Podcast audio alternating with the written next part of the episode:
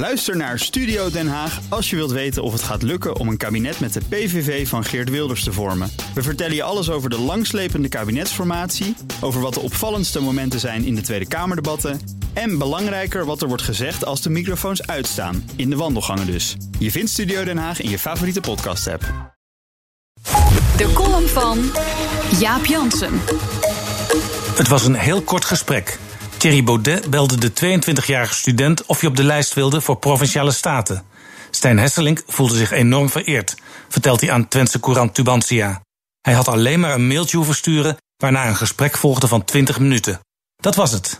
Zijn maatschappelijke ervaring tot nu toe, actief bij jeugdcarnavalsvereniging De Bokkenhurnkes en zijn betrokkenheid bij de organisatie van Paaspop Albergen en de jaarlijkse Solex-rit.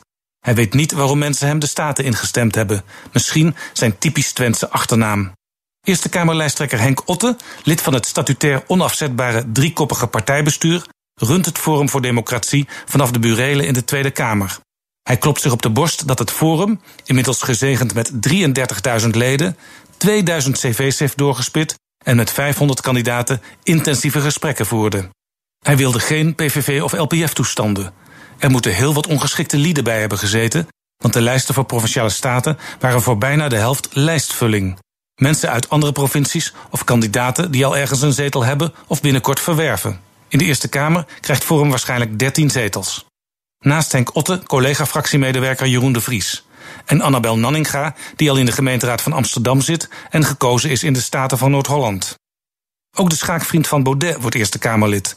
Luc van Wely was alleen beschikbaar als lijstduwer. Voor politiek had hij geen tijd. Hij schrok zich rot toen hij hoorde dat hij de Eerste Kamer inkomt. En hij is ook nog gekozen in de Staten. Als het Forum bij de verkiezingen voor het Europees Parlement vijf van de 29 zetels haalt en alle gekozenen hun zetels innemen, vertrekken drie senatoren meteen alweer naar Straatsburg. De nummers 6, 7 en 13 van de Eerste Kamer staan voor Europa op 2, 3 en 4. Mocht een van hen toch maar niet naar Straatsburg verkassen, dan gaat Freek Jansen naar het Europarlement. Alle medewerkers van de Tweede Kamerfractie hebben dan een parlementszetel, op de secretaresse na. Dit betekent dat de Eerste Kamerlijst eind mei al bijna is uitgeput. 16 van de 19 kandidaten hebben dan een zetel. Hekkensluiter op de senaatslijst is Theo Hiddema. Maar die kan niet uit de Tweede Kamer, omdat dan landmachtkapitein Suzanne Teunissen aan de beurt is. En die heeft de partij inmiddels verlaten wegens gebrek aan democratie. Misschien dat de uil van Minerva het Forum behoedt voor deze problemen. Eenvoudig omdat het in de Senaat geen 13 zetels krijgt.